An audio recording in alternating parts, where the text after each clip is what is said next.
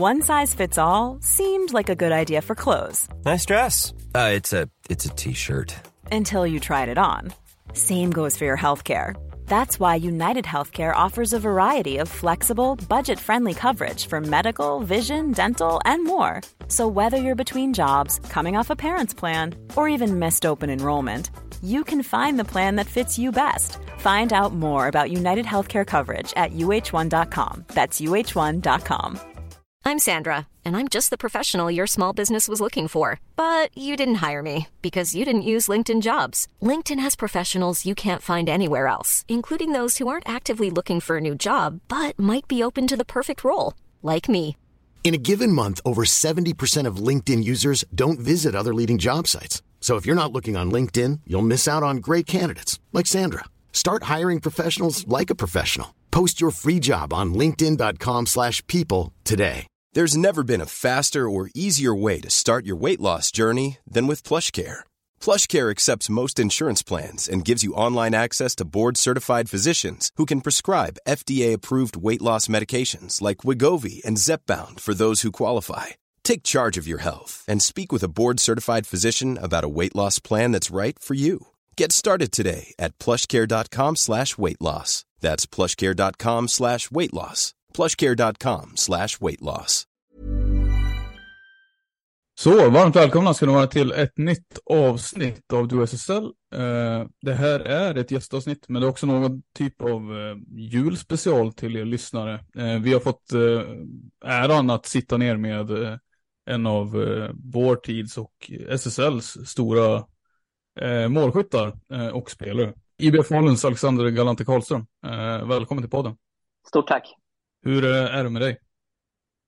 Jo, men det är bara bra. Eh, det börjar närma sig jul och man, julstressen är i full gång. Det ska handlas klappar och det, det är allt möjligt, men annars är, annars är det bra. Vi spelar in det här dagen efter en rätt stark seger mot Växjö också. Hur är känslan efter, om vi ska ta den? Bara så här. Nej, men det är som du säger, det var en, eh, det var en märklig match. Eh, alla trodde väl att Växjö hade vunnit där när de gjorde, när de gjorde 6-3 i slutet av matchen, men ja, vi kunde, vi kunde koppla oss samman och ja, gå ihop till 6-6 där och sen ja, 6-7 med bara farten. Så att en väldigt märklig match, men en skö trepoängare borta. Det är ett eh, Falun, ett lag nu där du har, eh, ni har haft lite problem med frånvaro på flera spelare, så ni har matchats ganska hårt. Eh, och du brukar väl spela eh, mycket vanligtvis också såklart, men har, du, har det här varit extra påfrestande eller märks av på något sätt, eller har ni lyckats lösa det ändå? Som du säger, jag brukar vara van att spela mycket, men den, just den här säsongen har jag faktiskt spelat mindre än vad jag brukar göra. Eh, jag har blivit eh, satt på sidan en, en del gånger den här, den här säsongen hittills i alla fall från start. Och det, var inte, det är jag inte van vid. Så att för mig har det varit lite mindre spelande faktiskt, fast det har varit spelare som varit skadade. Så att jag har gått i motsatt riktning kan man säga. Ja, vågar man fråga hur relationen är med Holmgren efter det här? ja, men det, nej, men det är väl klart, jag är aldrig, jag är aldrig nöjd att, eh, att få, få ja, spela mindre än vad man brukar göra. Eh, men sen i ett, ett så starkt lag också gäller det att leverera. Jag har väl faktiskt ärligt talat haft min sämsta början på säsongen på väldigt, väldigt länge. Sen, sen som sagt, eh, speltid spelar också in och man, man vill spela så mycket som möjligt för att komma igång också. Så att, ja, det, det, har varit, det har varit en jobbig start på säsongen, i alla fall för mig. Men det är intressant att du, du säger det. Jag tittade lite siffror eh, som det är lätt att göra med dig, för det, det är ganska fascinerande och det kommer vi in på senare tror jag. Men den här hösten, om jag räknar rätt, 15 mål på 12 matcher. För vilken annan, eh, en delad fjärde eller femte plats i skytteligan. Eh, för vilken annan SSL-spelare som helst så hade det varit mer än godkänt tror jag. Men det säger ju, du är långt ifrån nöjd. Det säger väl någonting då? Ja, nej, men så är det väl. Eh, jag, vill, jag har alltid haft höga krav på mig själv, men det har ju även de runt omkring på mig också. Eh, så att ja, 15 mål är absolut inte jag nöjd med, men som du säger, det är säkert många andra nöjda med. Men å andra sidan så, så får jag ju alltid gå tillbaka till vad jag har gjort innan, så att jag kan inte ha något lägre krav än vad jag brukar ha. Har man landat runt 50 mål varje säsong, då lär man, då lär man inte vara nöjd med 15 mål efter 12 matcher. Så att, eh, jag har lite grann att ta igen, så kan man lugnt konstatera. Men, eh, ja, vad ska man säga? Det, det är klart, eh, jag, jag hör ju också vad du säger och sådär, men eh, det är, det är väldigt, det är svårt att komma ifrån också att du blir äldre. Hur, hur tänker du kring den biten? Som, ja, tiden, den är svår att liksom hindra på något sätt. Så att samtidigt som du uttrycker en otrolig vinnarskalle och allt sånt där liksom och vilja att bli bättre. Men hur, hur hanterar du att du trots allt blir äldre i biologiskt?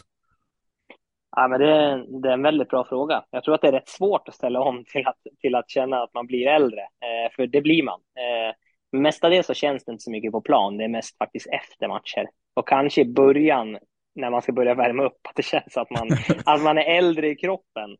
Men då brukar jag alltid referera till att om jag, om jag går bak till december nyss så spelar jag ändå ett VM och det, fun det funkade rätt bra för mig där. Så att, eh, jag har svårt att se att jag har blivit, att jag har blivit äldre. Eh, men, men som du säger, och den kommer ju fatta den åldern, det, det känns ju så. Eh, och efter matcher och precis innan uppvärmningarna, då det tar lite längre tid att bli varm och det, det tar det känns när man har spelat en match. Så mycket kan man konstatera. Är det mycket, hur har ni det i Falun eh, idag med den biten? Jag tänker eh, resurser kring eh, alltså massa, allt från massage till alltså, tips och råd kring hur man kan ta hand om kroppen helt enkelt. Är det mycket upp till er själva eller har ni bra uppbackning från Falun där? Liksom?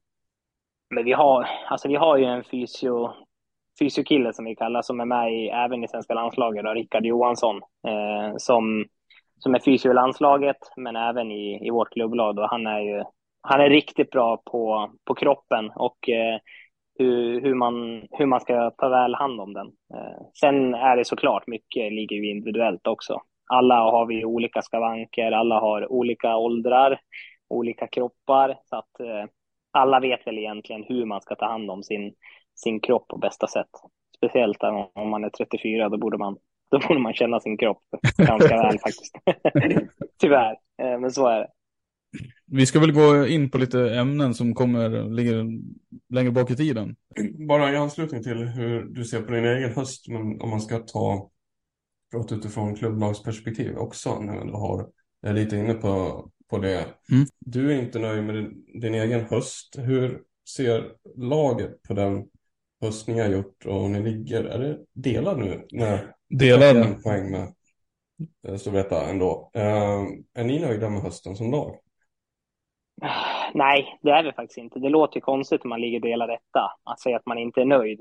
Eh, men prestationerna har inte varit särskilt bra. Sen är vi ju ett så pass bra lag så vi kan vinna matcher fast vi inte presterar så bra.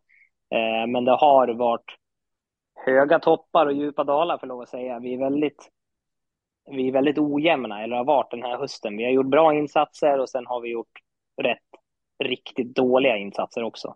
Eh, Tittar man på Faluns perspektiv så förr om åren så har vi, har vi mött något av de lagen som ligger 8, 9, 10, 11. Då har vi vunnit med nio bollar. Så har det ju inte sett ut i år. Nu har vi nästan spelat jämnt mot exakt alla lag i hela serien. Eh, och så dålig plus och minus som vi har nu har vi väl inte haft på ett tag. Eh, nu kanske jag är blind och, och, och, bara tittar så. Jag är inte skitbra på statistik, ska jag ärligt säga. Men eh, ur tränares perspektiv och vårt eget perspektiv så är vi inte nöjda med hösten. Det, det är bara att vara ärlig. Det har varit för mycket upp och ner. Sen har vi, ja, vi ligger där vi ligger ändå, men eh, vi, kan, vi kan bli jämnare, så mycket kan man säga. När man talar om era rivaler där i Uppsala, då det är mycket fokus på vad Konen har gjort med, eller jag vet inte om det är han man ska credda, men deras defensiv verkar ju i alla fall fungera. Eh, hur, hur känner du att, vart borde man lägga vart borde man lägga fokuset på Falun liksom? Är det om man ska sätta någon typ av prägel på er? Ja, fokuset ska man väl ändå sätta på, alltså vi, Falun är ju som bäst när vi får till försvaret också. Det låter, det, det är såklart, det är så för alla lag. För att, men jag tycker att vi har, om jag får vara ärlig och säga, så tycker jag att vi har en starkare offensiv än vad Storvreta har. Men däremot så, som du säger, har de ett förskräckligt bra försvar. Som Kånen, pappa Kånen har lyckats få till riktigt bra. Han får alla spela ett anamma det här försvarsspelet och alla klarar av att spela det oavsett om man är ny, gammal, ung så, så klarar man av det. Så att eh, det gör de bra. Men Falun, får vi till försvarsspelet då, då blir vi väldigt farliga. Eh, för vi har, vi har många som kan göra poäng och om vi tittar på på Malte i år så har ju han varit väldigt bra hittills och även Emil Rud. Så att vi har poängspelare, men försvaret är viktigt för Falun.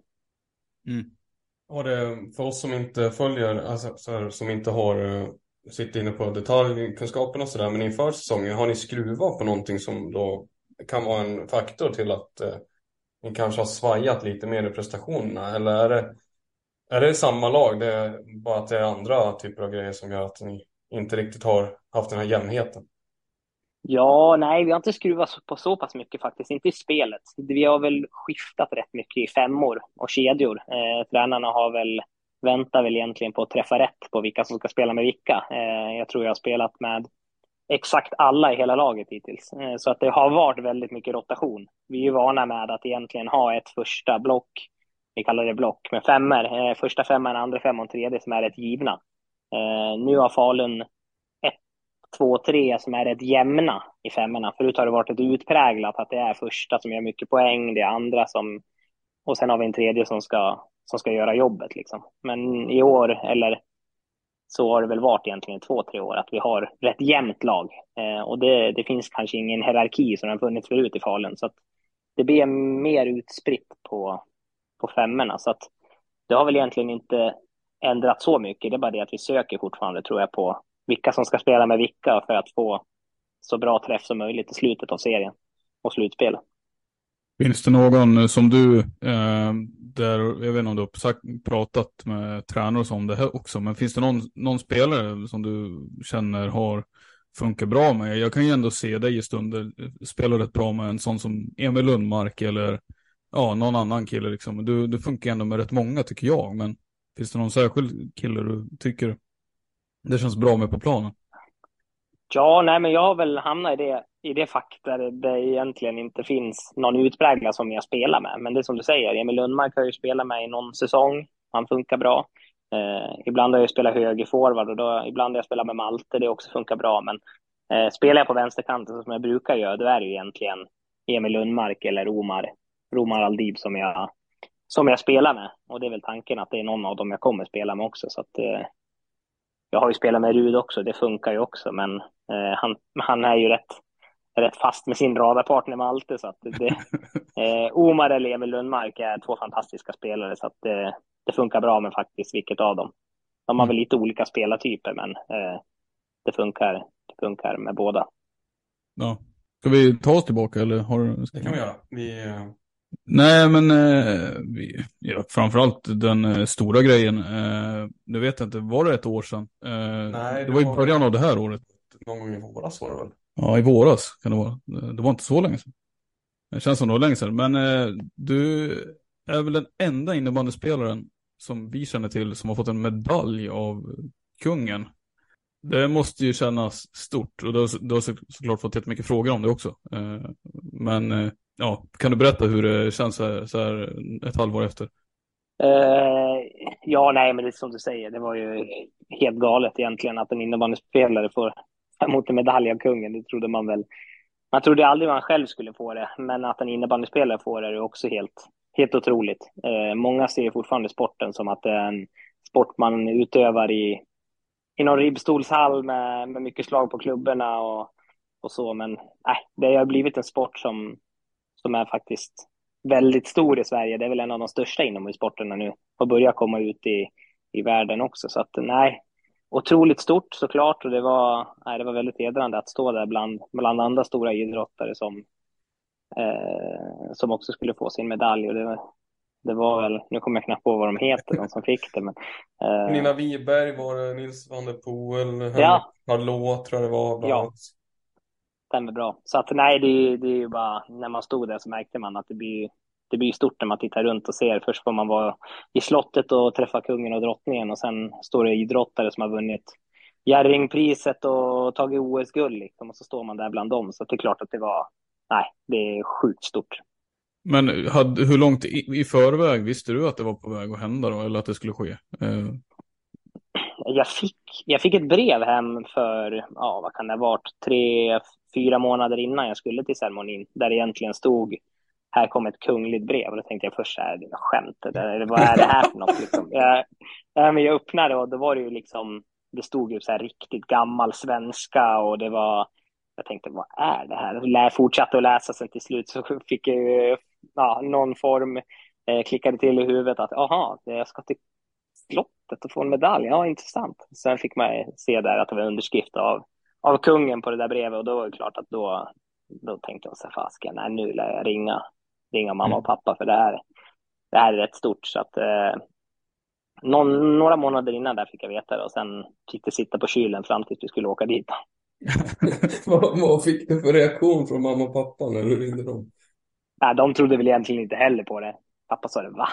Det är sant? Ja, det är sant. Jag ska dit. Så att, eh, första frågan var väl om de också fick följa med, men nej, det var, eh, det var, det var jag. Det var jag och frugan som fick åka dit. Så att, eh, nej, men det var, det var speciellt helt klart. Ja, vi tar höjd för det, eh, lite du och jag Samuel, för vi vet ju inte, känner ju inte till att det har hänt tidigare. Men det vore ju lite tråkigt om vi är fel alltså, på det. Men det är väl första gången helt enkelt. Alltså, ja, jag tror det. Eh, de, kanske du vet också. Det vore ju pinsamt. Ja, nej, men det, det. det stämmer. Det var mm. första, första gången en innebandyspelare fick, fick medaljen. Så att, eh, det stämmer. Men motivationen var väl, eh, ja vad var motivationen? Den var ganska bred har jag för mig. Alltså, det var ju ja, men den var väl... Det var inget ja. specifikt så liksom. Nej, det var ju mer, jag fick medaljen för, oh, vad stod det?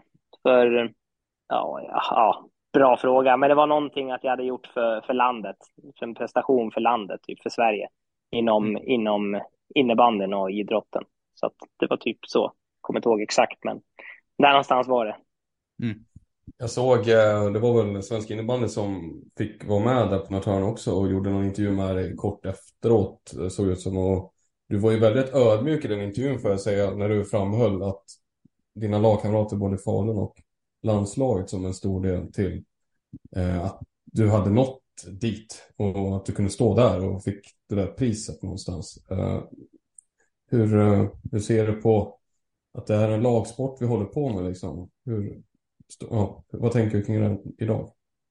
Nej, men det är som du säger, alltså det är ju en lagsport så att det handlar ju, det är inte, alltså det är klart att det, det, de har hjälpt mig till det. Alltså jag kan inte något annat säga heller, när man är så utpräglad målskytt som jag är så behöver du ju, det behöver ju spelare runt omkring dig som gör, som, som slår de där fina passningarna eller som gör, gör grejerna för dig. Så att det, det är nog med all rätt att man är ödmjuk när man står där, för att det är ändå de som har hjälpt till någonstans. Och det är både, både spelare, men även tränare som hade jag inte fått spela så mycket som jag gjorde sen kanske jag var förtjänt av speltiden, men hade man inte fått spela så så gör man inte så mycket mål heller. Så det är många som ligger bakom det, oavsett om man, om man kan vara kaxig och säga att man gör mycket mål, absolut, men det finns alltid de, finns alltid de som ligger bakom det. Det är bara det är egentligen bara att titta på alla sporter. Titta på, nu jämför jag inte med, med han, men titta Håland i City.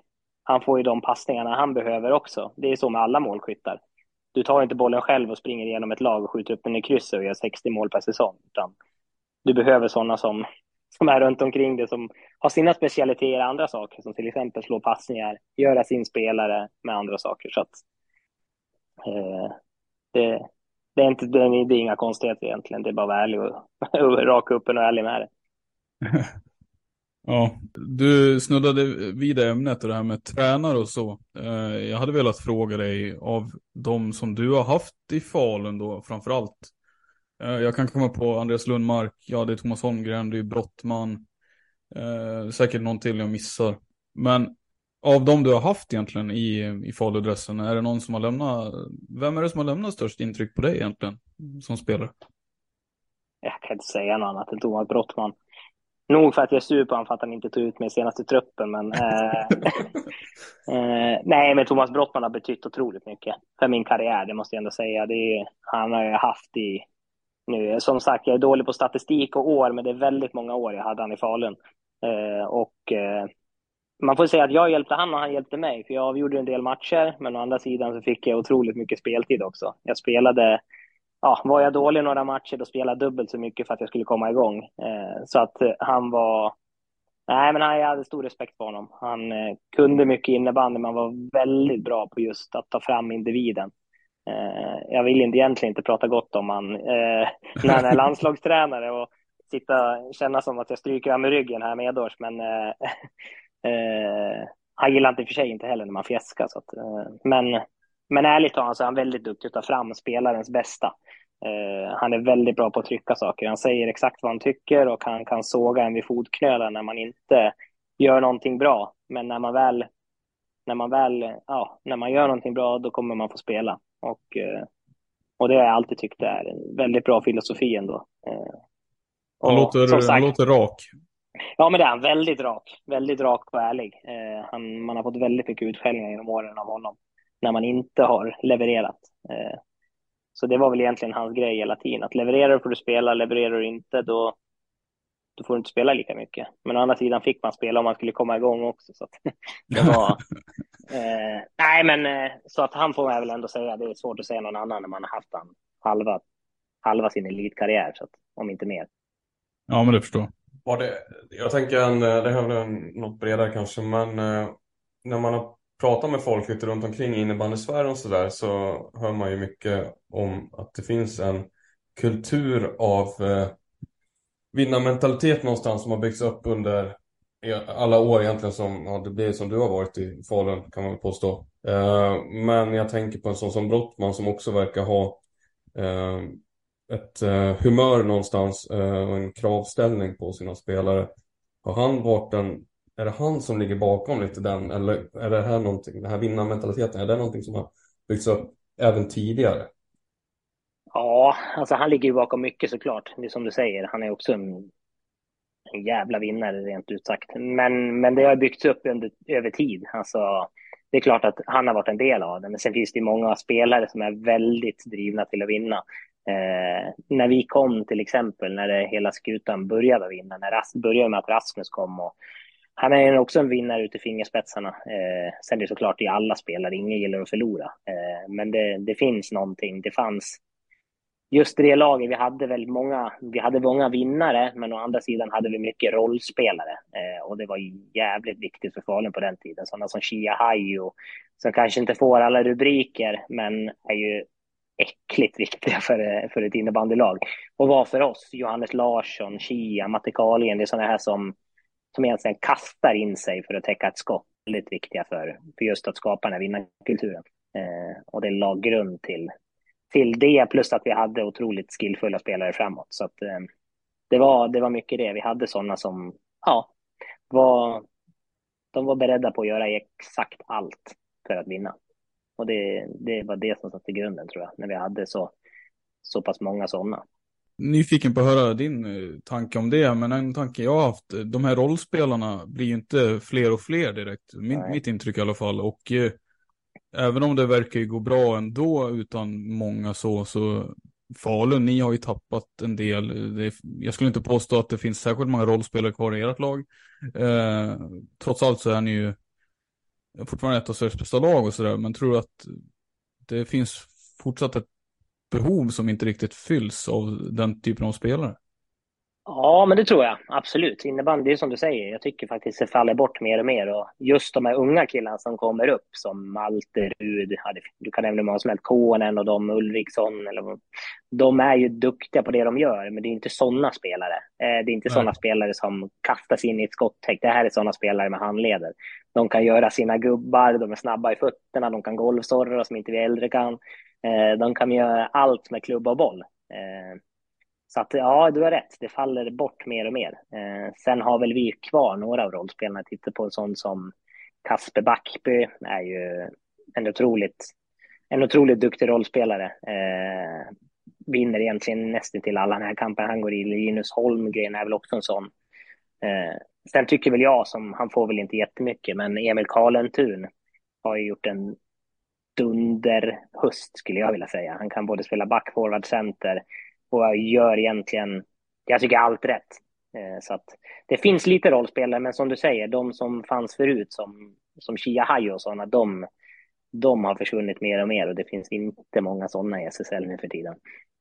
Mm. Men är det ett tecken på, ni har ju förändrat ert lag såklart de här åren och de här spelarna har försvunnit och när andra ni har kommit in, du nämner ju Malte Rud och Emil Karlentun, den här 01-kullen exempelvis. Mm. Är det Eh, kan det bli en utmaning eh, eller fungerar det, eh, om du förstår min fråga, fungerade i den innebandy som vi ser idag jämfört med den som var då för kanske tio år sedan när ni inledde den här eran som ni sedan har haft?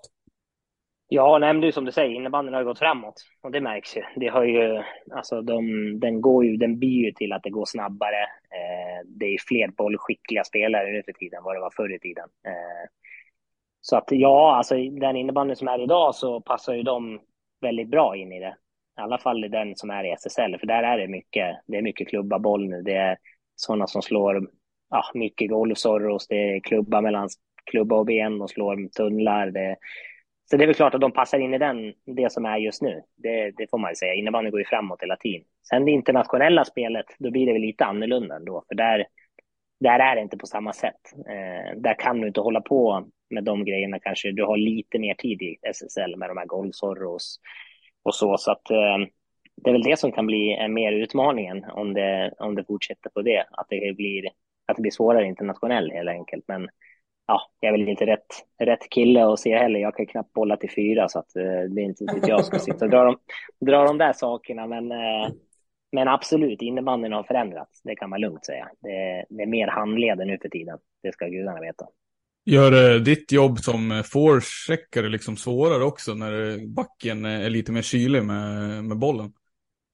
Definitivt. Nej, men så är det ju. Det, det är bara att vara ärlig. De är ju mycket bollskickligare och blir snabbare och snabbare. Så det är väl klart att det blir det är svårare. Absolut, så är det. Men eh, så, så snabba ska de inte vara än så länge, de där ungtupparna. Så man, får, man, får försöka, man får försöka jaga dem helt enkelt.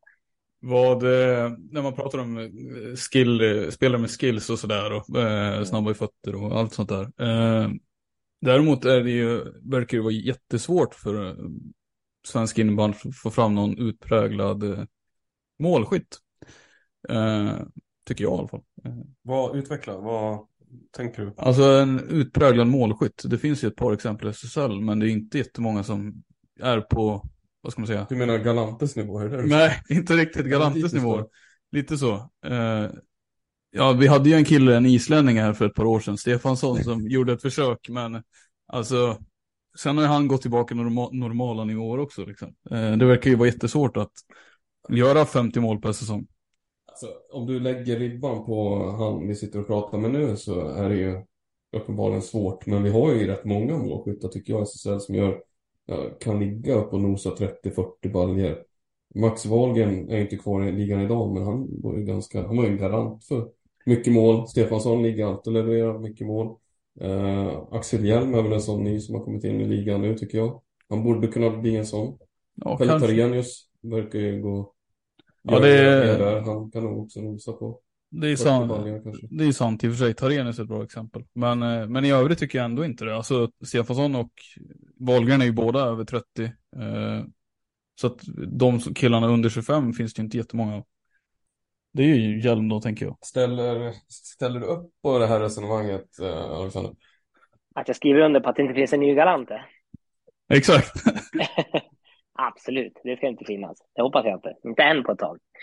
Eh, nej, men det är väl, jag vet inte vad jag ska säga. Det är en, det, det är en svår fråga. Eh, det, nej, just nu är det väl inte titta på att det finns någon yngre typ som, som kommer in i 50 eller 60 mål per säsong. Det, det har svårt att se att det, gör någon, att det gör någon yngre typ i år. Men som du säger, Pelle Tarenius har ju varit väldigt het den här hösten. Det får man ju lov att säga, i alla fall när det gäller målligan.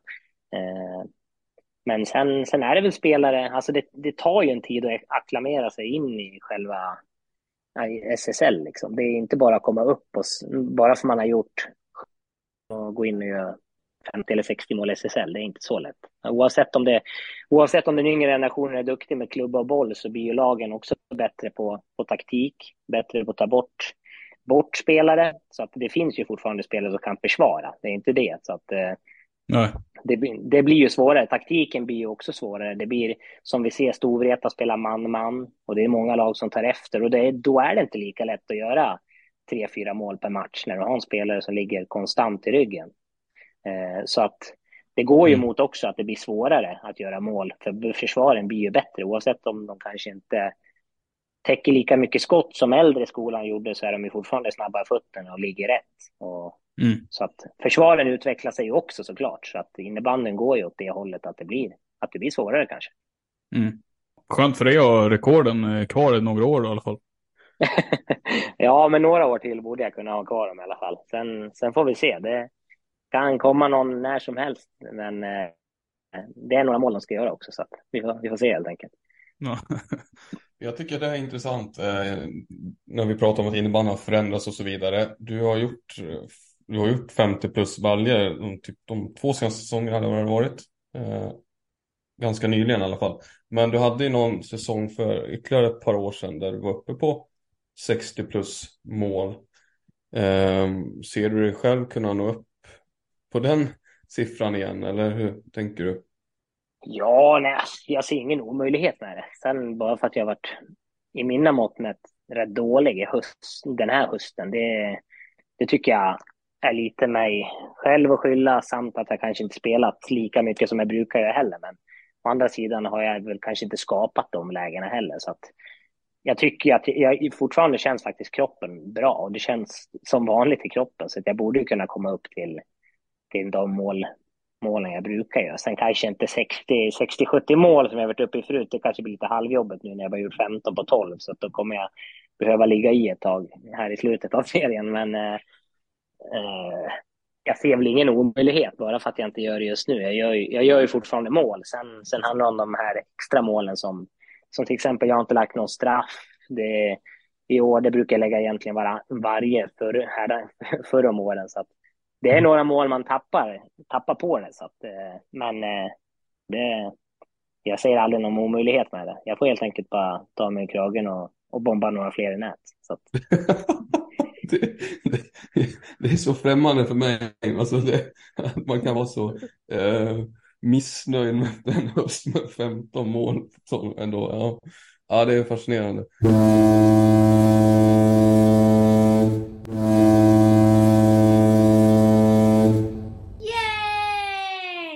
Men eh, jag var inne på just eh, du som målskytt och att innebandyn har förändrats. Har du fått anpassa ditt spel på något vis under den här tiden du har spelat i SSL och på vilket sätt i så fall har du fått göra det för att kunna hitta ytorna och kunna fortsätta producera mål? I början av din karriär så bågade du extremt mycket. Mm. Min bild på senare år är väl att du inte bågar lika mycket.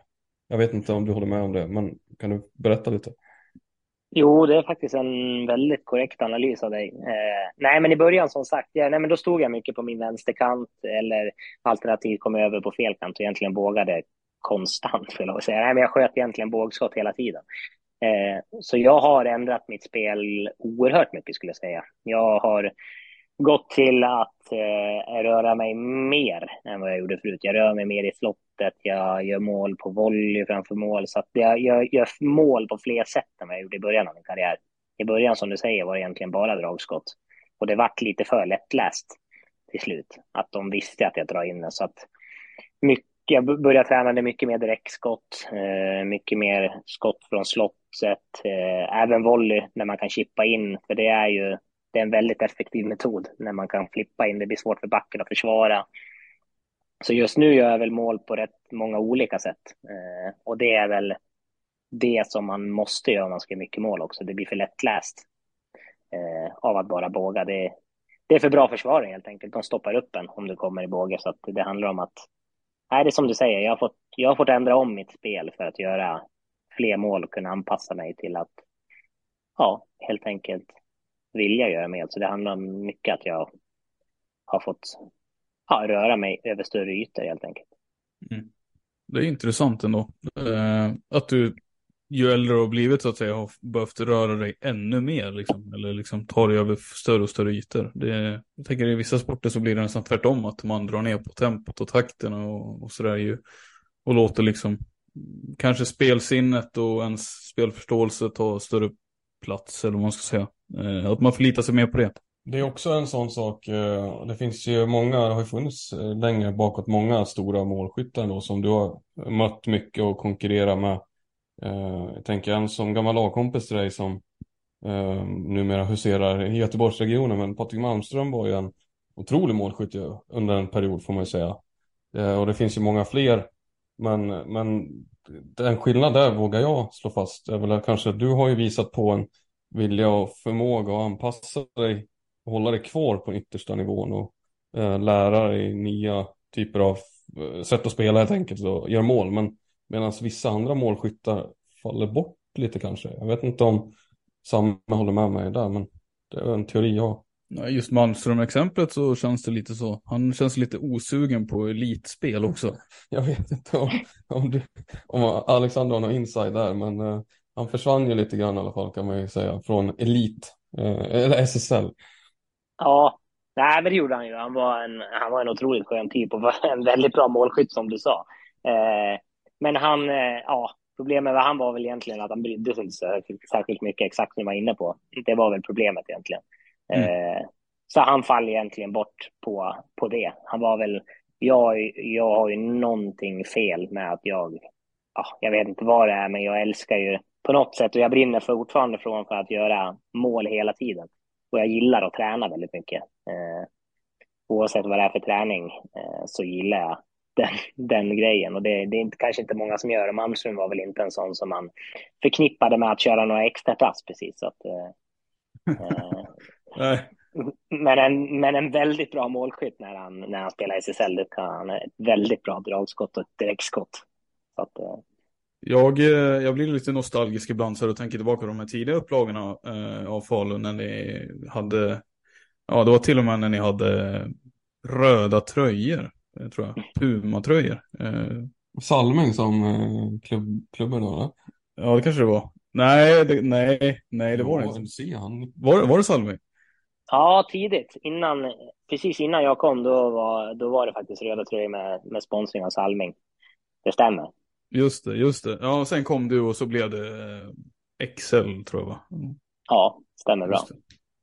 Jag tänker, var inte Excel ändå den skönaste klubban att spela med, eller? det är svårt att säga något annat när man gjorde så pass mycket med den, men eh, jag brukar faktiskt säga det. Eh, alla, klubb, alla, alla klubbsponsorer har väl ett blad som funkar. Det borde de ha. De har ju 1800 olika blad med sponsor. eh, så ja. att eh, Excel var en väldigt bra klubba, det ska jag väl säga. Jag tyckte om den, men eh, Unihoc, den som jag har nu, har haft ett bra tag i, är väldigt bra den också. Så att eh, det är svårt att säga vilken som har varit bäst faktiskt, men jag skulle nog jag skulle nog säga, eftersom jag har Unihoc nu, att Unihoc är, är strået vassare. För att den är ju, och sen är de mycket, mycket större än vad Excel är också, så att Unihoc eh, ligger etta på listan helt klart. Alltså du menar större som varumärke eller vad menar du? Ja, det är de. Definitivt mycket större än Excel, skulle jag säga. Innebär det bättre paycheck också från Unihoc än vad du fick från Excel? Nej, faktiskt inte. Utan det var, det var inte det, det var faktiskt inte det som gjorde bytet, utan jag tycker, alltså jag har alltid varit väldigt noga med att grepplindan ska vara bra. Unihocs grepplinje är fantastiskt bra, så att det var, det, det är väldigt viktigt för mig. Så att eh, därav eh, så var det, och sen kunde jag hitta bra blad som, som Mr Jihde kunde ta fram där åt mig. Så att han sa att den var skräddarsydd, så att det var bara, det var bara att plocka och köra. Skräddarsytt blad för Galante Karlström alltså? Ja, alltså det, det, var inte så att de hade gjort det för mig, men det, så, så bra är jag inte. Men det, var, det fanns ett blad som man skulle skjuta bra med. Så att det, var, det var bara att plocka det och, och köra helt enkelt. Så att det, det har funkat, så att jag ska inte klaga. Nej, hundra mål på två säsonger, det är, det är bra kvitto för Mr Jihde ändå. ja, men det är bra. Men jag tror han är lite sur med att jag kör med så tung, tungt skaft. Det är inte så många som kör med de här grejerna jag gör. Jag är lite för gammal den yngre generationen ska ha de här lätta klubborna som väger som tandpetare. Jag ska ha, jag kör tungt. Ja men det, det ska ju vara lätta klubbor så de kan dribbla mycket och golvsåra. Det är det. Ja men, exakt så. Jag klarar inte av det så jag kör lite tyngre. men av alla skämt åsido lite det här med klubbor och material och sådär. Men eh, det har ju passerat rätt många spelare i Faluns trupp också. Du nämnde mm. Chia Hai och Johannes Larsson de här. Jag tänker på en sån annan karaktärsspelare, typ Johannes Skog. Eh, fantastisk. Eh, han var ju lite, han var ganska allround måste man ju säga. Men vilken av alla de här lagen känner du när ni i Falun har liksom stått överst på täppan? Eller när har ni varit som bäst? Mm, folk blir väl arga nu när jag inte säger våran trupp vi har nu, men det första guldet måste jag vara ärlig och säga var ett fruktansvärt bra innebandylag. Eh, vi hade eh, vi hade egentligen allt skulle jag säga. Vi hade spelare som var enormt. Vi hade Billy Nilsson, Jonas Svan, Alexander Rudd, eh, jag, Emil Johansson, Enström, Adriansson, bröderna Hajo, bröderna Karlgren, eh, Fernqvist. Nej, men vi hade fantastiskt bra lag, men med, med unga spelare som var otroligt hungriga, som precis hade kommit upp till SSL och sen hade vi de här som jag varit inne på, de här karaktärsspelarna som egentligen mm. ingen ville möta. Så att, eh, nej men det var, det var ett fantastiskt bra lag, det måste jag vara ärlig och säga. För de som är lite yngre kanske, var det 2013 mot Dalen då? Stämmer alldeles utmärkt. De åren där, 13, 14, 15, då hade vi, då hade vi väldigt bra lag. Så att, eh, men som sagt, man har varit bortskämd. Falun har haft väldigt bra upplagor sen man kom till Falun, får man vara ärlig och säga. Mm. Mm. Är det Rickard Hedlund som ska ha all den elogen eller är det någon annan som du vill ge beröm där? Eh, nej, men det är väl han framför allt, men även Patrik Bäck som är i Kalmarsund. Han var ju med och han var ju också med och tog, tog in de här och även Filip Nordqvist eh, som, som har varit en eldsjäl i föreningen som var jobbade som sportchef tillsammans med Patrik Bäck när jag kom till Falun som var med och tog mig till Falun. Så att eh, det är väl de tre egentligen som ligger, som ligger bakom mycket av det. Sen är jag dålig i organisationen. Jag har säkert glömt någon som blir skitare. Jag kan inte nämna hans namn här. Men, eh, de tre är det som ploppar upp i alla fall. Eh, som var med. Hur var det att komma till Falun eh, när du kom dit då? Eh, som sagt, det har ju hänt så otroligt mycket på de här åren sedan dess. Nej, men det var ju det var ju coolt såklart. Nej, men man kommer från Västerås som var tyvärr åkte ur superligan på grund av ekonomiska, ekonomiska skäl. Eh, så att eh, nej, men direkt när man kom till Falun så märkte man att det var en liten typ av annan kultur. Eh, innebandyn i Falun har ju alltid varit väldigt stor eh, och vi är rätt bortskämda med att ha en så bra publik. Eh, vi har ju alltid ett av de bästa publiksnitten i, i superligan. Och det har det egentligen varit sedan jag kom. Så att det är klart att det har varit en omställning att, att alltid nästan ha fullsatt hemma. Det är, det är inte många som har. Så att, eh, nej, men det var imponerande att se. Vi har gym i, i liksom anslutning till hallen, egen arena, får ofta de bra träningstiderna. Eh, så att eh, det är mycket som är bra i Falun och som jag säger, hela Falu stad andas innebandy. Så att bra stad för innebandy helt klart. Är det svårt då att komma utifrån och locka med saker eller om man ska erbjuda någonting? Som sagt, du, du har liksom det mesta redan i Falun och du trivs i staden och sådär. Det är svårt att komma utifrån och säga att nej, men vi har någonting ännu bättre. Nej, det är, ja exakt. Nej, men det är såklart det är det. Speciellt när man har familj. Då ska det vara någonting som är väldigt, väldigt mycket bättre. Eh, som, som ska vara, om det är något som ska locka. Så att, eh, ja, det är nog rätt, rätt klurigt. Sen är det inte jättemånga som vill ha en 35-åring, skulle jag tro. men, men vi får väl se. Hiring for your small business? If you're not looking for professionals on LinkedIn, you're looking in the wrong place. That's like looking for your car keys in a fish tank. LinkedIn helps you hire professionals you can't find anywhere else, even those who aren't actively searching for a new job but might be open to the perfect role. In a given month, over 70% of LinkedIn users don't even visit other leading job sites. So start looking in the right place. With LinkedIn, you can hire professionals like a professional. Post your free job on linkedin.com slash people today. Hey there, it's Michelle Norris. I'm host of a podcast called Your Mama's Kitchen. When I travel, I'm usually looking for a way to find a taste of home when I'm not at home. And one of the things I love to do when I am at home is entertain. And Airbnb allows me to do that. When I was in California recently, I rented a house that had a great kitchen. And when we were sitting around the table, we we're all thinking, we're in someone else's house. Someone could be in all of our homes as well. If you have a home, but you're not always at home, you have an Airbnb. Your home might be worth more than you think. Find out how much at airbnb.com slash host. Eh, så att, eh, men det krävs en del, ja. Och då ska man flytta en hel familj så också om, de inte, om inte de ska vara kvar. Så att, ja, det krävs en del. Men berätta om det, för jag menar, du har inte alltid varit... Du fyller 35 nu i januari, absolut. Men jag menar under den här tidseran som, vi, som ni har varit framgångsrika i Falun då, och det, du har gjort så otroligt mycket mål. Telefonen måste ju ha gått varm i princip varje säsong. Det måste ju finnas eh, möjligheter, det har funnits möjligheter för dig att byta klubb, men det har du inte gjort. Eh, nej, det har faktiskt inte funnits jättemånga klubbar i Sverige som har hört av sig. Eh, nog för att de kanske trodde att jag var Falun, att jag aldrig skulle lämna Falun, eller så är det så att jag skriver på. Jag har ju ofta skrivit på under, under mitt i en säsong egentligen. Det har aldrig varit så att jag förhandlat när säsongen har varit slut med Falun. Och det har väl kanske gjort också att det har varit svårare för lagen, för de får ju egentligen inte kontakta en spelare om de inte ringer till sportchefen först. Eh, så att jag har ju fått utlandsförslag under åren, det har jag fått. Men jag ska vara ärlig och säga att jag har, tror inte jag har fått ett enda svenskt lag som har, i alla fall inte kommit fram till mig. Sen om det är sport, de har frågat sportchefen, det kan jag inte svara på, men det är inget som har kommit fram till mig i alla fall. Det är ju intressant ändå, eller vad säger du Samuel? Ja, verkligen. Helt anmärkningsvärt. alltså, det är, jag vet inte vad de...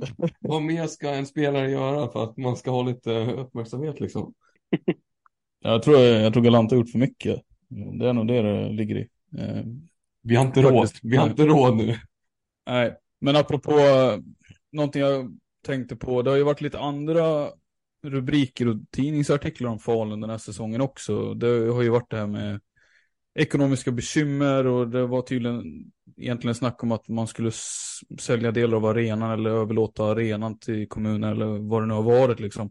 Väldigt lite information för utomstående och sådär men jag tänker att det måste ju ha gått in betydligt mer till er i föreningen eh, i representationslagen.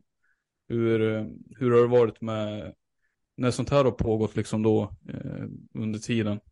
Uh, Alltså det låter ju konstigt, det kommer, hälften tror mig inte när jag säger men vi har faktiskt inte varit så involverade i det. Uh, det enda som egentligen har kommit, eftersom vi är en förening där det bara är vi och damlaget som ligger under IB Falun, så har ju egentligen de från styrelsen kommit in och berättat det som står i tidningen, egentligen att ja, IB Falun har dåligt ekonomiskt. Eh, just nu vet de egentligen inte var, vart det har gått snett, men mycket tenderar ju till att vi inte fick intäkter på vår sommarskola och en kupp som har uteblivit i två år efter, när det var corona helt enkelt. Och det vet vi är ju en stor inkomstkälla eh, till föreningen. Det är ju bara att vara ärlig. Och där, där har det ju, ja, pengarna inte kommit in eh, och därav så har det ja, inte gått bra ekonomiskt. Det är vad de har sagt. Sen egentligen inte så mycket mer än att vi ska fokusera på att göra saker på plan de ska fortsätta betala ut löner i vanlig ordning som de har gjort exemplariskt, har inte missat en enda till någon spelare. Eh, så det ska de ju ha väldigt bra cred till. Och sen har vi faktiskt inte hört så mycket mer. De, de sköter det de är bra på medan vi gör det vi ska på plan. Så, så eh, ja, har det inte varit så mycket snack faktiskt egentligen. Det är ingen som har lyft någonting i laget och tycker att det, någonting är konstigt eller inte, utan vi förstår läget och de får göra det de är bra på helt enkelt. De andra som jobbar, jobbar med det. Och är det första gången under din tid som eh, det har varit sådana här samtal? Ja, det, det har aldrig varit innan. Så att, ja, det här är första gången som jag, jag har varit med om det i alla fall. Mm. Men eh, då kommer vi kanske in på det. För rätta oss om, ja, eller vi har fel, men du skrev väl på för en ytterligare en säsong här va? Kommande nästa år va? Du ska väl den här säsongen och en säsong till? Ja, nej men det stämmer bra. Jag har ju ja, jag har som planer att spela, spela ett hemma-VM då. Det ju, har varit planen länge. Eftersom jag gjorde mitt första VM på hemmaplan så vill jag sluta cirkeln genom att spela mitt sista på hemmaplan. Så att därav skrev jag på under nästa år också. Ska man tolka det som att du faktiskt planerar att eh, avsluta karriären efter den säsongen? Ja, just nu får man nog tänka så. Eh, det, det är faktiskt tanken. Eh, sen, får man, sen får man helt och hållet se. Jag har jag har ju, jag har ju fått som jag sa anbud från, från utlandet som, som man ska ta i beaktande. eller om, ja, om Falun ens vill ha kvar en efter det året, det får man helt enkelt se och hur kroppen funkar. Men ja, det är i alla fall tanken just nu, som jag ser det. Jag tänker Martin Östholm, han var ju drygt, han var i din ålder när han stack nu, så att eh, det känns inte som att det borde saknas eh, alternativ där heller då. Alltså. Nej, nej, men det, det vet jag om att eh, jag, jag har hört att det är några som är intresserade att, att ha mina tjänster från andra delar av, av landet så att säga. Så ja, är det omöjligt att du kan spela med Rasmus Enström då i, Schweiz? Eventuellt, om det nu skulle, nu är det här en bit framåt i tiden, men är det, finns det sådana tankar hos dig? Nej, faktiskt inte. Det är i så fall inte med han. Så att eh, då får det bli något annat. Då ska jag, då ska jag konkurrera med han. Ja, just det. det är löneposten där. Då ska det är inte bara Enström som ska... nej, såklart. Nej. Det blir tufft att få in under lönetaket. Ja, nej, vi, får, vi får helt enkelt se. Om, eh, först, ska ju, först ska kroppen hålla om man vill känna att man, att man fortfarande kan och, och känner suget. Det är det som är det viktiga egentligen. Men är, är det, för, för det känns ju som att du är i bra form ju, eller? Är det någonting som får dig att, är det någonting ändå som spökar som gör att du känner att du vill ta det här beslutet? Eller vad är det som gör att du har satt ett, verkar ändå ha satt ett slutdatum här liksom? Nej, egentligen kommer slutdatumet fram för att det är hemma-VM och att jag ska sluta i så fall i landslaget är ju den första tanken med tanke på att sen är det ju två år till nästa VM och då är man ju 39 så det finns ju en chans att jag spelar, spelar det VMet. Eh, eller det får jag verkligen inte hoppas för då borde Sverige kunna ha många bättre spelare än vad jag är. Så att det, så är det ju. Men, gjorde inte, eh, förlåt, gjorde inte Konen ett av sitt sista i den åldern eller? ja, men då hade han gått ner på backen. Ja, okay. Då sprang han inte lika mycket. Nu måste man ärlig och säga. Det gjorde och jag han. Är den, ja, och jag är den spelaren som absolut inte kan stå som back, det ska jag väl säga. jag, jag, tror ingen tränare skulle ta ut mig som back heller, för då riskerar de att få många baklängesmål. ja. Men eh, om man ska vara allvarlig då, är det, nu när du ändå har satt det slutdatumet, i alla fall landslagskarriären, så är det, blir det svårare att hantera att Brottman petade dig när han gjorde det nu, eller eh, är det liksom det spelar inte så stor roll egentligen. Nej, det var väl inte bara Brottman, det var väl Nordén också antar jag som petade mig. Jag hoppas inte bara Brottman låg bakom såklart. mig. Då, ja. eh, nej, men det är väl klart att det var, det är väl klart att den var, den var halvjobbig, det måste man väl säga med tanke på att alla andra, alla andra spelare från VM var egentligen med förutom jag. Eh, men sen deras, deras ja, motivering var väl egentligen att de ville testa nya spelare och se hur de se hur de funkade helt enkelt med tanke på att det där var väl egentligen den turneringen som är innan VM. Det är inte så många fler turneringar innan hemma-VM. Konstigt nog, fast det är så långt kvar, så är det, är det tyvärr så. Det finns inte så många fler tillfällen. Ja, det är så jättekonstigt det är alltså. Det, träningsmatch ja. borde man kunna spela, eller? Tänker ja, man. jag håller med dig. Men ah, de vet väl om de har mig någonstans. Sen, men det är väl den pressen jag ha, har alltid och det är väl kanske därför jag inte är nöjd med 15 mål på 12 matcher heller. För att jag är rätt nischad så att jag måste göra mina antal mål för att vara mer aktuell i ett landslag. För det är bara så det är. Oavsett om jag har avgjort väldigt många matcher och väldigt viktiga matcher spelar egentligen ingen roll. Jag måste ligga på toppen som jag kan, inte vad någon annan kan som gör 30 mål, utan om jag ska vara uttagen så måste ju de se att jag är i form för att ja, göra mina mål och det gör jag genom att ligga på den ja, den nivån jag kan, inte någon annans nivå.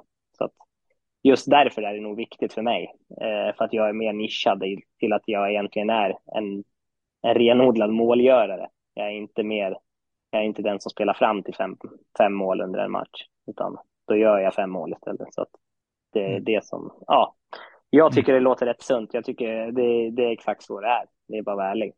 Mm.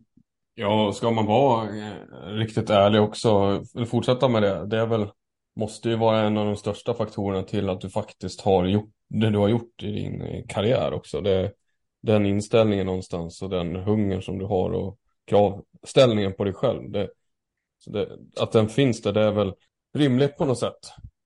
Det hade ju varit besvärligt om vi satt här med en likgiltig Galante. Då hade man ju blivit lite oroad någonstans kanske.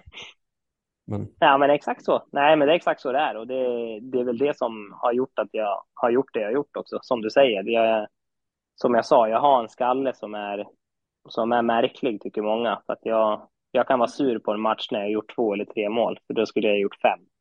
Men de andra kanske är nöjda, men jag är inte, jag är inte nöjd med det. Så att, och det är väl det som driver mig. Annars så hade jag, annars hade jag kunnat lägga klubban på hyllan redan. Om jag inte hade det, det drivet kvar så att säga. Det är lite konstigt att säga det, men nu är det ju verkligen, det är ju du och ja, Kasper är kvar från första guldet. Jag kan inte komma på om det är någon annan. Va? Ren är ju kvar. Enström är kvar. Ja, men en, ja, förlåt, jag tänkte på, jag tänkte att han... Johansson ja, var med då. Nej. Mm. Jag håller med. Ja, okej, fan Ja. det är ändå fler kvar än vad Men Enström Nej, ska det- ju till, han, är, han har ena foten i alplandet nu så att jag räknar inte riktigt med honom. Men, men ja okej, nej då föll min poäng alltså. Nej men vadå, du, du har väl inte, det är många som har, Det är inte, hans, det är många som har försvunnit. ja det är det ju, det är det verkligen. Ja, Det var väl, ett helt lag, det är väl en femma på sin höjd kvar nu om man räknar antal och resten har försvunnit. Så det är ju ganska många som har ja. försvunnit. Eller vad har din poäng? Jo men lite så, nej väl typ en handfull spelare kvar bara från, eh, från första guldet tänkte jag säga. Jag tror till och med, för att vara ärlig, att Kasper inte var med på första guldet. Jag tror han var med på andra guldet. Så jag tror egentligen att de som har alla guld är bara jag, Rasmus, Emil och Ren. Ja just det, för han, han gick gymnasiet va? Han kom på Ja, gym- Så jag ja, tror Kasper var med andra guldet, han var inte med första. Just Ja, det. bra att du flikade in den, det var en, eh, vi får rätta. Ja, jag kom på det nu, för jag för mig, jag kom på att vi hade det snacket, vilka som hade vunnit alla, och då sa Kasper i omklädningsrummet att han hade inte gjort det.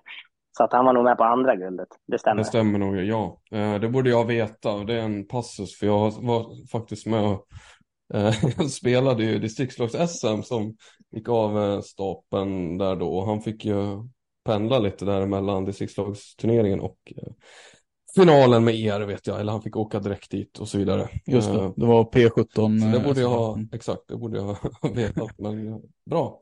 Ja, nej, nej men det är, hur, hur tänker du tillbaka på det egentligen? För, för vi också, vi håller ju, eller du håller ju på med en sport där det är väldigt många väljer att lägga klubban på hyllan redan innan man fyller 35. Eh, vissa liksom långt tidigare än det, där liksom. Men det, du kör på liksom. Det, det säger, säger ju någonting antar jag om din karaktär och ditt driv och sådär. Men det har vi, ja, vi har ju varit inne på det. Eh, men eh, det är en bedrift i sig antar jag att jag menar att man håller på tills man är 35 med den här sporten. Ja, och att man, att man gillar sporten. Det, det är rätt tydligt att jag, Ja. att jag tycker sporten, den har varit så stor del av, av både min och min familjs eh, liv liksom. Och då, det, man hade aldrig hållit på den så länge om man inte gillar sporten. Så att eh, jag drivs fortfarande av att spela, spela matcher och drivs fortfarande av att, att göra mål. Så att, eh, ja, nej, det, jag tycker fortfarande det är lika roligt stundtals. Ska jag vara ärlig och säga. Men är det, jag vet inte om det var det du var ute efter också, men att se lagkamrater som ändå under åren troppat av och gjort lite annat och försvunnit från omklädningsrummet och sådär. Det påverkar inte dig i sån grad liksom, det, att du, din lust för att fortsätta spela så att säga, att du tycker det, nej men nu tappar man sugen lite grann liksom, nu är inte Chia kvar här och drar några roliga skämt liksom. Eh, Det påverkar inte så, som spelare. Nej, nej det gör det väl inte. Man, man vet ju att det är alltid olika upplagor varje år. Det kommer spelare och- det slutar spelare. Det är så det, är så det funkar i sportens värld. Men det är klart att man kan, att man kan sakna tiderna när man, om man hade vissa, vissa kompanjoner eller vissa lagkamrater som man tyckte var, tyckte var riktigt härliga. Det är klart att man kan sakna dem ibland i ett omklädningsrum eller på planen. Eh, men det är inget man går och tänker på mitt under en säsong. Men det kan väl, det kan väl komma när en ny säsong börjar. Fasiken, han var ju härlig. Synd att inte han är med. Men ja, det, äh, det är som jag säger, det kommer och går. Det är alltid nya upplagor. Så att eh, ja, det är så det är i sportens värld. Det, det är inga konstigheter egentligen. Man ser ändå de grabbarna, de är ofta kvar i stan så att man får ändå se dem och snacka med dem ändå. Ja, och vissa har ju svårt att hålla sig borta från klubben här nu. Jag tänker så som Hack, eh, Thomas Holmgren och eh, Jonas Adriansson också som har kommit in här nu helt plötsligt från, i, från ingenstans och presterar ändå får man ju säga på SSL-nivå trots att det var, jag vet inte när var det, tre år sedan han officiellt la klubban på hyllan någonting sånt. Han har ju spelat Var lite längre tillbaka än så till och med. Ja, det får väl Alex svara på, men eh, han har ju spelat i Haik i division 1 vet jag och lite så. Mm. Jo, nej men det stämmer som sagt. Dålig på årtal när han la klubban på hyllan, men det känns som han kommer och går hela tiden där. Så att det, Det är svängdörrar. Ja, det är det. Han, han kan, men ja, det är som du säger, han kan ju hoppa in. Där Han är ju en sån där kille som är bra på all sport han än gör. Så att han kan ju hoppa in när han är 48 och ändå spela känns det som. Så att, ja, han, han, det känns som att han hänger upp den där tröjan i taket för, lite för ofta. Det må- hängt upp den där tröjan i taket, men den där katten har nio liv. Han är tillbaka hela tiden. Så att, Ja men är det inte, tycker inte du också det, alltså ärligt talat då, är det inte lite störande att man väljer att eh, hissa tröjan och sen ska man göra comeback ändå liksom? Har man inte, har man inte dragit ner tröjan då, då, då, då får man ju stå sitt kast lite grann här. Ja, jag håller med dig. Men å andra sidan så det är väl, det är väl vi som är så dumma som Holmgren som ringer han då, eftersom vi inte, eftersom vi inte kan vara utan han verkar det som. nej, men det skämt åsido, han är ju, nej, vad ska man säga om han? Han är gudabenådad. Han kommer tillbaks från ett uppehåll på tre, fyra år i Superligan eller vad det nu är och ändå, ja, gör ändå inte bort sig liksom. Sen är det klart det är, det, går, det är klart han inte är van med tempot och så. Det sa han själv efteråt, men å andra sidan så är han fortfarande lika bra med klubba och boll. Sen att det inte går lika snabbt som det gjorde när han var för tio år sedan, det, det gör det inte för en annan heller. Det är bara det att det syns inte, kanske inte lika mycket eftersom man inte varit borta. Så att, eh, nej, men det är som du säger, det är nya, alltså det är spelare runt omkring föreningen som har varit i föreningen. Så att många gillar ju IB Falun som har spelat. Holmgren, Wagneryd är en gammal spelare också. Jonas Adriansson jobbar där. Eh, så att ja, Kia jobbar på skolan precis bredvid, så han är också där jämt. Så att, ja, mm. många mm. gamla IBF är ju där.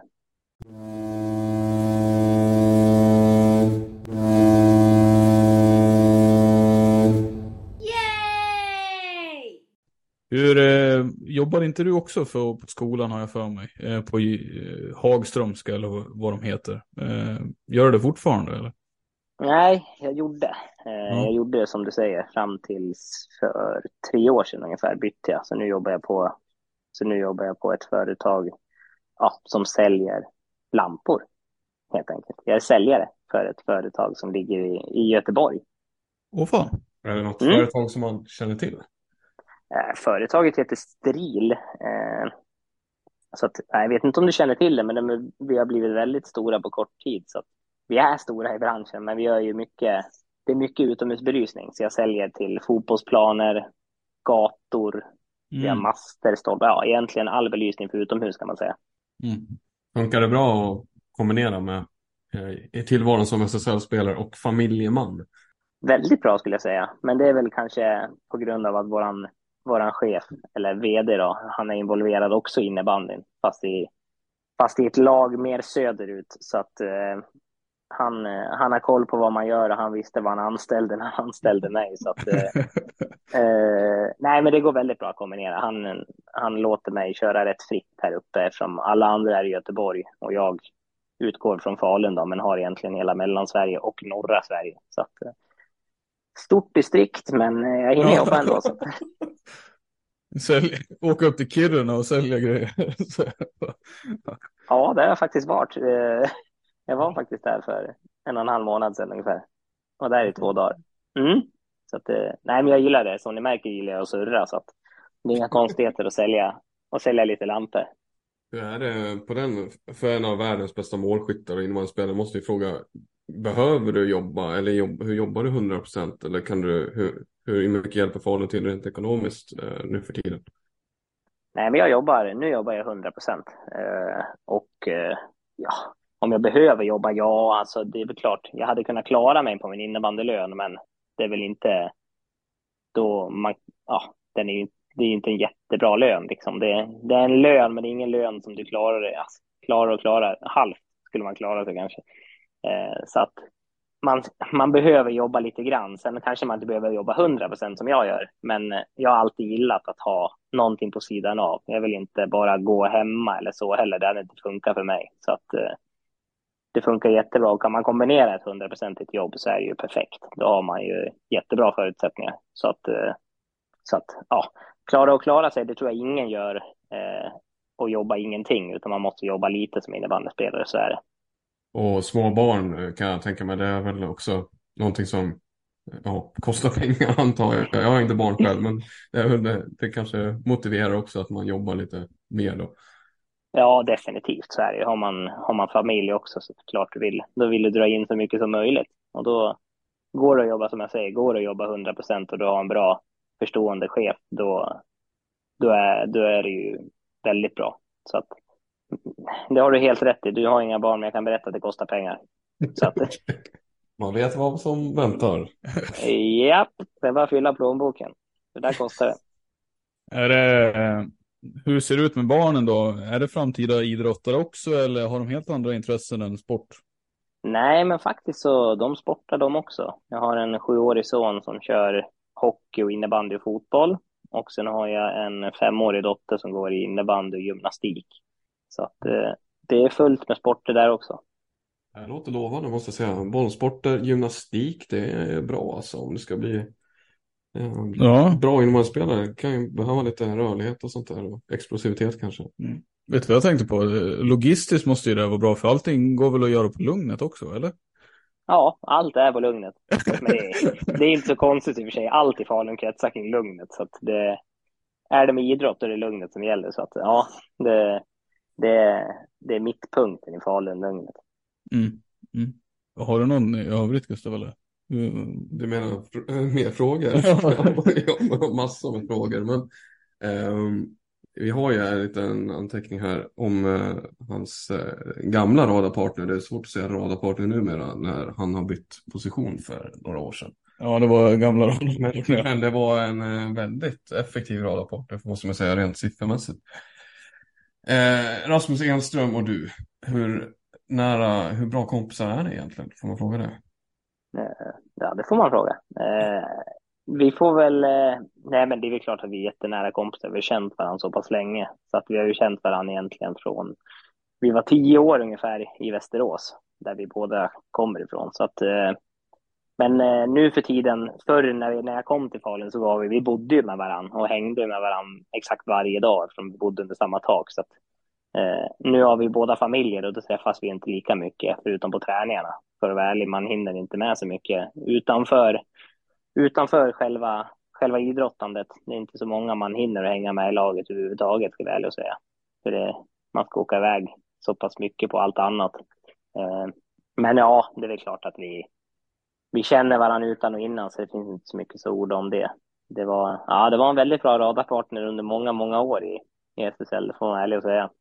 Hur högt håller du honom skulle du säga som innebandyspelare rent eh, generellt mot, om man tänker internationellt mot de andra? Mot alla andra innebandyspelare i hela världen. Hur, hur står han sig rent? Jag menar, för mig blev det väldigt svårt när han bytte position, för jag menar det är en helt annan grej att han hade en roll innan och sen så att vara back. Det blir, det blir någonting helt annat för mig i alla fall och liksom hur han står sig.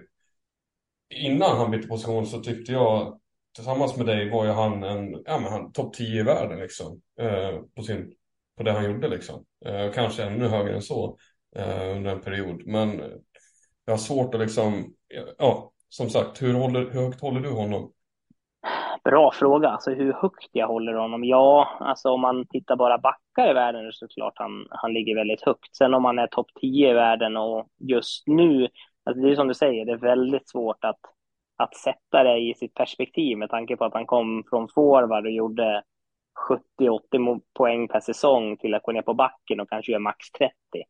Eh, sen är ju inte han just den backen som som Emil Johansson kanske är, som springer upp och är halvt center, halvt forward eh, vartannat byte, utan han, han står ju mycket och fördelar bollar och kanske lägger sig inte i så mycket hur mycket poäng han gör, utan det har han lagt lite åt sidan, utan han försöker mer att ja, fördela bollar och göra en bra defensiv. Men eh, jag skulle fortfarande hålla honom som topp, alltså ja, ja, kanske topp 10 i världen ändå. Alltså, han är, många tror inte det, men han är väldigt duktig på att täcka skott. Han är jobbig att möta när det är i, i hörnen och sånt också. Så han har ju faktiskt förbättrat sin, sin defensiva sida väldigt, väldigt mycket. För att som forward så, så la han ju inte, då la han inte många meter i försvarsspelet. Men eh, det kan man vara ärlig och säga. Men just nu så är han, han är väldigt, väldigt duktig i försvarsspelet. Rätt underskattad i försvarsspelet. Det är inte så många som tänker på det. Sen förstår jag din, din, din tanke där också. Att när, när man har gjort så mycket poäng som forward och flyttar ner till back, du blir ju inte samma... Du får inte samma, samma, samma rubriker. Det är bara så det är. Du, han, gör man inte lika mycket poäng och flyttar definitivt eller ner som back, det blir ju helt annorlunda. Man ser han på ett annorlunda sätt såklart. Och det gör han Ja, själv också. Nej, men just det jag uppskattar med honom, eh, det är väl hans blick för spelet. Jag tror du och jag Samme håller med varandra i mycket och även kanske där. Men hans rent eh, blick för spelet och den tekniken han har att kunna göra saker som han gjorde, har gjort många gånger, men att kunna behandla bollen i hög fart och eh, dribbla folk rent ut sagt. Han är ju Mm. extremt bra på, han var extremt bra eh, Mm. på att använda handlederna. Mm. Ehm, och sådär liksom. Jag vet inte vad mer man kan säger jag.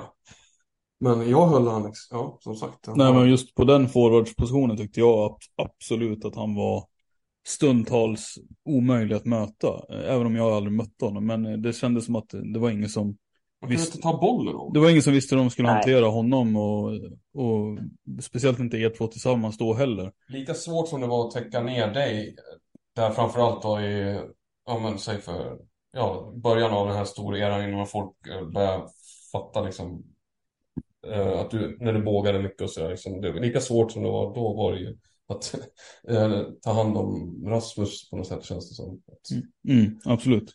Neutralisera Nej, men ni, nej, ni, är inne, ni är inne på det. Jag tror inte jag har spelat med någon eller sett någon alltså i hela världen som är så duktig på att täcka en boll och hantera en boll i den farten. Eh, och det är ju faktiskt, det är han ju fortfarande. Det är bara det att det syns ju inte lika mycket för att han har inte lika mycket boll där hemma som han hade i offensiv zon. Men mm. han är ju fortfarande en av de, ja, en av de bästa fortfarande i världen på det. Att krångla sig till ur ett hörn som man gjorde förr i tiden som ni var inne på. Det var ju, ibland undrar man ju bara vad han höll på med. Man fattar inte att han, han kunde ha tre spelare runt sig, men ändå kom han ut i hörnet med bollen. Och de andra tre var inte i närheten av att ta den. Så det var, Nej, det, han var fruktansvärd på det, måste man säga. Det är överlägset den bästa spelare någonsin på just det. Att kunna täcka en boll och göra bort spelare eh, i, mm. ja, i, hörnen som väggar med sarger och vad han nu höll på med. Eh, ja. Men han fick alltid med sig bollen av någon konstig anledning. Så att, mm. nej, det, nej, det var han väldigt bra på. Har för mig, det har dykt upp i tidigare intervjuer, jag vet inte om det är dig jag läst då, men ni, det har kommit upp det här med att spela landhockey eller landband eller vad man nu kallar det, på gatorna och sådär. Och det, jag tänker att mycket av både ditt och Rasmus eh, sätt att spela på eller teknik har kommit därifrån. Ja, men det kan nog stämma. Det gjorde jag varje dag skulle jag säga. Landbandy var en av de bästa sakerna man kunde göra. Det var bara ge mig plastpåsen i bollen och köra. Det var, nej, det var, det, det är riktiga tider. Det var otroligt roligt. Görs det på, där du bor i Falun nu? Är det kids som är ute och håller på på det sättet? Nej, jag brukar säga det till min son faktiskt, fast han bara är sju. Du gör ju aldrig som pappa gjorde. Jag var jämt ute eh, och gnuggade skott i trädgården på de plankor man hade på gräsmattan. Och, nej, det görs inte faktiskt. Jag har nog aldrig sett det eller, eh, här i Falun. Ska jag väl säga. Jag kanske är på fel ställen då, men eh, vi gjorde ja, det varje men, dag. Nej, men jag tror inte det görs lika mycket eh, överallt heller. Alltså. Det, det tror jag inte. Nej, du vet den nya TikTok-generationen. De sitter inne och tittar på skärm liksom. Ja, men det är väl så. Det har faktiskt gått mer åt det. Det är väl det är mer teknik nu för tiden. Många, nu har man ju, när man är 7, 8, 9, då har man ju en iPhone istället. Det, det visste man knappt vad det var, när, eller fanns ju inte ens på den tiden. Man hade en gammal man hade en 3210 man satt och spelade Snake på ibland. Men det var, det var inte så kul heller liksom som en iPhone har idag. Det är lite mer möjligheter. Det finns lite mer att välja på idag på en iPhone än vad det fanns på en 3210. Ja, det lite så. Det fanns knappt färg på telefonen. Nu låter man hur gammal som helst, men ja, så det var. Jag har en kollega, jag såg han häromdagen, bara, han hade laddat ner någonting på sin, han har ju såklart en telefon som alla oss andra, en sån här eh, smartphone, och så hade han laddat ner någon app så här med typ eh, spel, det var gamla spel, men grejen var, då var det ju Snake och då satt han ju och spelade Snake så som Snake såg ut på en sån här Nokia 3210. Och jag tänkte bara, vad fan är det för grej? jag tänker, uppenbarligen tycker ju, saknar ju folk det, men inte nog för att man ska skaffa en Nokia, utan man kör ändå på sin smartphone alltså. jag tänkte, ja, vad fan? finns det sånt liksom? Ja, det finns allt. Mm. Nej, det var en parentes eller? En riktig parentes var det. Men du var inne på eh, Samme, du nämnde ju rekord för tid sedan i inspelningen här och eh, du har ju sagt flera gånger i det här avsnittet att du är dålig på siffror men har du inte ändå koll på hur många mål du har gjort exempelvis i SSL eller sådär? Nej, eh, nej, inte en aning faktiskt. Har det, aldrig, har det aldrig varit viktigt för dig att veta det? Nej, faktiskt inte. Inte hur många. Jag har ju koll på vad jag gjort för bästa säsong, det har jag koll på. Har jag för mig i alla fall. Hur många mål jag gjort så, men inte hur många mål jag tog totalt. Det har aldrig varit viktigt, utan jag försöker göra så många jag kan. Och så får man se i slutändan vad man landar på. Men just Jag hade ju koll på någon gång när någon sa att man var nära att göra tusen poäng eller något. Man fick någon, när man får en typ en tavla eller något på det, då vet man ju om att det är någon siffra. Men, eh, eller när någon media tar upp det, men annars har man inte stenkoll på faktiskt.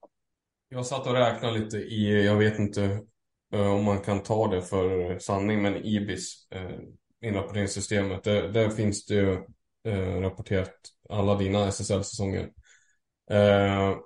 och grundserie och slutspel försökte jag få ihop och jag tänkte väl bara kolla med dig om det låter rimligt. Eller om man missar någonting där. Hur mycket har du fått ihop? 813 baljer fick jag ihop. Och då har jag inte räknat med Svenska cupen exempelvis, utan det här är SSL grundserie slutspel inräknat. Ja, eh, ja, jag vet. Ja, säkert. ja, men det, det, låter ju helt sjukt eh, om jag får. Men det är också svårt. Ja. Ja. Det, ja, det är ju det är skapligt. Ja. Det är ungefär som många utvisningsminuter jag har samlat ihop i min karriär. Ja, det hoppas jag inte. Det låter ju sjukt. Några matchstraff. Ja. Vi alla är olika. Ja. Jag, jag, vi har alla roller att spela liksom. Ja. Ja, det har vi. Det, men, det är det som är viktigt. Rollspelare. Ja, vad sa du? Ja, men rollspelare är viktiga. Oavsett vad det är för roll så är man viktig. Ja. Så är det, är det men det låter inte omöjligt tycker du? Om du eller låter det helt snett? Då, nej, nej, men det låter nog, nej, det låter nog, eh, det låter nog rimligt faktiskt. Det gör det. Rätt om jag har fel Samuel, men han är väl överlägsen i målligan va? Han är väl långt före ja, ja, ja, ja, det är han säkert. Jag för mig, för Express, Anders Borgström på Expressen har ju skrivit en del senare år om detta. Jag vet inte ens vem som är två på listan. Ärligt talat. Det, det, här borde vi veta, men eh, jag har för mig att det är ganska, det, det, du har ganska god marginal i alla fall ner till resten. Jag vet, alltså jag vet inte som det är, vi pratar väl typ 500 mål då i så fall för tvåan eller typ så. Ja. Det är så här. Ja, men Mange Svensson är väl på den här topp 10-listan. Eh, kan Ricky Hyvrin, nej Ricky Hyvrin är inte på den. Kan. Johan Andersson gjorde ju mycket mål, men jag vet inte om han gjorde så många. Jag, jag vet ju att Hannes Öhman låg i tvåa om ingen ja, har vet om han. Just det, just det. Ja. Just, då är det Öhman som är uppe på de där nivåerna. Just det, så är det. Uh, och Öhman hade ju ändå konen och det har ju inte du haft. Nej, jag har inte haft konen. Men jag har haft andra, må många bra spelare som vi har nämnt. Så att jag, jag, jag ska inte säga att jag har varit eh, ja, jag ska inte säga att jag har haft dåliga spelare runt mig precis. det har varit, nej, det har alltid varit, alltid varit bra spelare. Är det svårt för dig att nämna någon specifik här och plocka fram någon som du, om, som du har haft extra bra stäm eller blir det, blir det nej, det, nej, definitivt inte. Det är bara att vara ärlig. Det är bara att titta på statistiken. Det är Emil Johansson eller Rasmus Enström eh, som, ja, som jag har haft bäst, bäst kemi med, eller de som jag har gjort mest poäng med ihop. Eh, sen kan man ju, alltså Alexander Rudd, han har ju spelat med några säsonger, var ju fantastisk. Jonas Adriansson, alltså det är ju sådana här världsklasspelare. Man vill inte säga det, fast för att det är våra tränare nu, men Thomas Holmgren var ju ett otroligt bra komplement till våran, till våran femma vi hade då. Emil Johansson kunde flyga fritt medan Thomas Holmgren egentligen hade koll på allt bakåt. Han var ju en sån här spelare som ingen ville möta. Eh, så att, så, nej men exakt sån där rollspelare som man, som man vill ha i en kedja. Vi, vi fyra kunde göra vad vi ville. Han skötte, skötte allt med det defensiva. Så att, eh, ja, men de som mest kemi måste man väl ändå säga Emil och Rasmus. Det är, det är de som har gjort, som jag spelar med längst också, men även gjort mest poäng med ihop. Det är fascinerande ändå att ni är så just Emil Johansson exempelvis, men även Rasmus såklart. Men eh, att de också har eh, fortsatt och att de, det, finns, eh, det finns inga tecken på, utåt sett i alla fall, eh, på att man eh, tröttnar. Men Emil Johansson, kapten nu, lika bra som någonsin tycker jag. Bara fortsätter. Det, det bara, det bara rullar på på något sätt. Det är Galante-tåget alla hakar på. Ja, men det, jag, jag är nog med och driver lite där. För att oavsett så, jag är ju aldrig nöjd. Så har han, har han skjutit inte igång när jag, är, när jag tycker att jag är fri, då, jävla, då får de höra det. Så att uh, det, jag ligger på dem hela tiden. Oavsett vem det är jag spelar med så vill jag alltid ha bollen när, det väl ska, när jag väl ska ha den. Så att säga. Så att, uh, ja, jag, jag är nog med och driver lite där tror jag. Till att, till att vilja göra mer poäng hela tiden. Mm. Mm. Jag tänkte börja med Holmgren. Hade lite roligt ändå att det var väl Dalen ni spöade i 2013. 2013 där. Så representerar han Falun kommande höst där. Efter finalförlusten. Var det, var det så det var menat att bli eller hade det inte hänt om det inte var det så att, att ni hade vunnit mot dem? Ja, men ryktena gick där tror jag innan finalen att han skulle, att han skulle till Falun året efter. Så att eh, vi visste om det lite. Men det är klart att det var lite extra skönt när han satt i det där lilla täcket och jag sköt förbi frislaget och gjorde, och gjorde 4-2 när han sitter i täck. Det är fantastiskt. Den Ja. bilden vill man ju alltid ha kvar. Jag har för mig, rätt om jag fel nu, men jag för mig det finns en video i, efter något av guldfirarna efteråt där när han var med i omklädningsrummet och du också tror jag. Det här kan vara klubbhuset eh, som har varit i farten, men jag för mig att det är någon eh, sekvens där när ni snackar med varandra om eh, hela den här situationen, att han valde att komma och att det blev guld direkt för även honom då i Falun. Jag vet inte om du minns detta. Nej, jag kommer inte ihåg det, men det, aha, det är säkert så. Det, det förvånar mig absolut inte. Jag, det, var, det var bara att säga varsågod till ett guld till han. Ja. Dukat bord för ja, nej, men det var, nej, han var, man vill inte säga det som är en tränare som man ska absolut inte hylla, men han var, han var viktig för, för den eran och den, och den femman vi hade då. Så att, Var tar vi, var tar vi vägen? Ja, alltså så här, det går ju att prata jättelänge tänker jag. Eh, Men det ska ju handla om Alex här och eh, ja, det var ett julavsnitt hade vi tänkt. Mm. Hur, hur firar ni jul i familjen? Eh, vi firar faktiskt jul i familjen som att eh, det brukar faktiskt vara så att vi, vi samlas ihop familjen eftersom Rasmus Enström är tillsammans med min frus tvillingsyster. Så, att, så, blir det ju, så blir det faktiskt den här gången så att vi ska till Rasmus hus. Så att eh, vi firar jul hemma hos Rasmus och sen är det väl lite fler som kommer. Ja, det är väl någon släktingar till Rasmus och släktingar till, till eh, ja, frugans sida helt enkelt som kommer. Så där är vi i jul. Okej. Hur mycket, hur många julöl kan man unna sig som SSL-stjärna och sådär? Ni har väl matcher här i dagarna också ändå? Det är inte jättemycket ledigt har jag för mig. Nej, jag tror nästa match är den 27, tror jag. Ja, någonstans där. 27 eller 29. Uh, eh, nej, men några julöl kan man ha, men jag föredrar ju vin. Eftersom jag är halvitalienare så kör jag. Det är mycket, det blir, blir inte mycket, men rödvin blir det definitivt. Sen hur många, hur många glas det blir, det får vi, det får vi se. Men eh, eh, det ska vi inte ta upp här. Dricker du ensam då eller, eller har du någon annan med dig vid vinbordet? Nej, men några, några stycken kan man, kan man nog skriva på. Erasmus är aldrig, han spottar inte glaset, så han, han kan man hälla upp ett rödvinsglas till. Det, det, tycker han, det tycker han om. Jag tror han föredrar mer öl. Så att. Ja. Men svärfar får man alltid med sig på vad som helst. Så att det går att hälla upp vad som helst där. Du ligger bra till eh, hos han alltså? Nej, det tror jag inte, men, men, han, men, han, men han gillar allt. Det är det som är så bra med han. Man skulle kunna, man skulle kunna vad som helst, han dricker ändå. Okej. Ja, vad fint.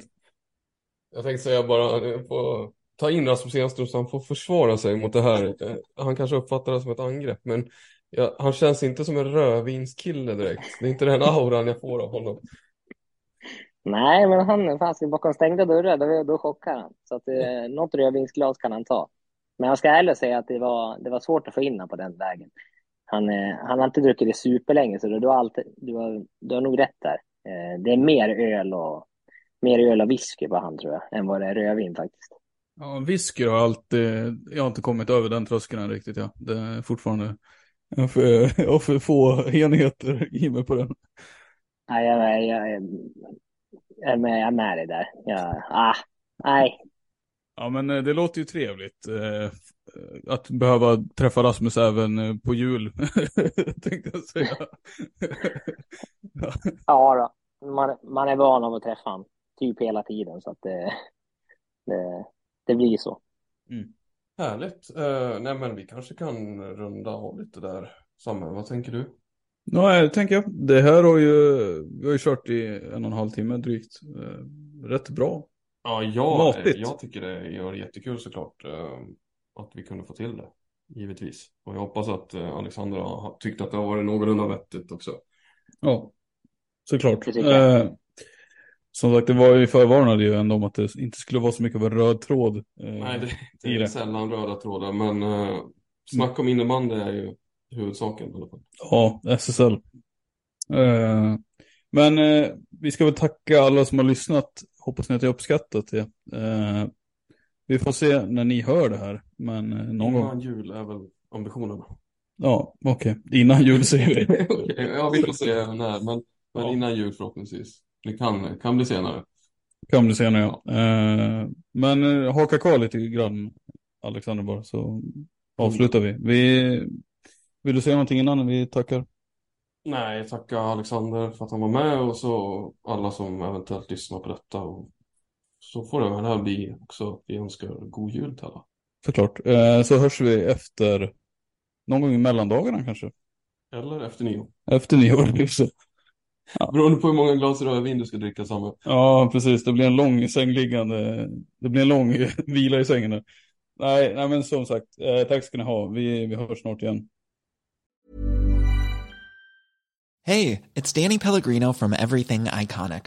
Ready to upgrade your style game without blowing your budget? Check out Quince. They've got all the good stuff shirts and polos, activewear, and fine leather goods, all at 50 to 80% less than other high end brands. And the best part? They're all about safe, ethical, and responsible manufacturing. Get that luxury vibe without the luxury price tag. Hit up quince.com slash upgrade for free shipping and 365 day returns on your next order. That's quince.com slash upgrade.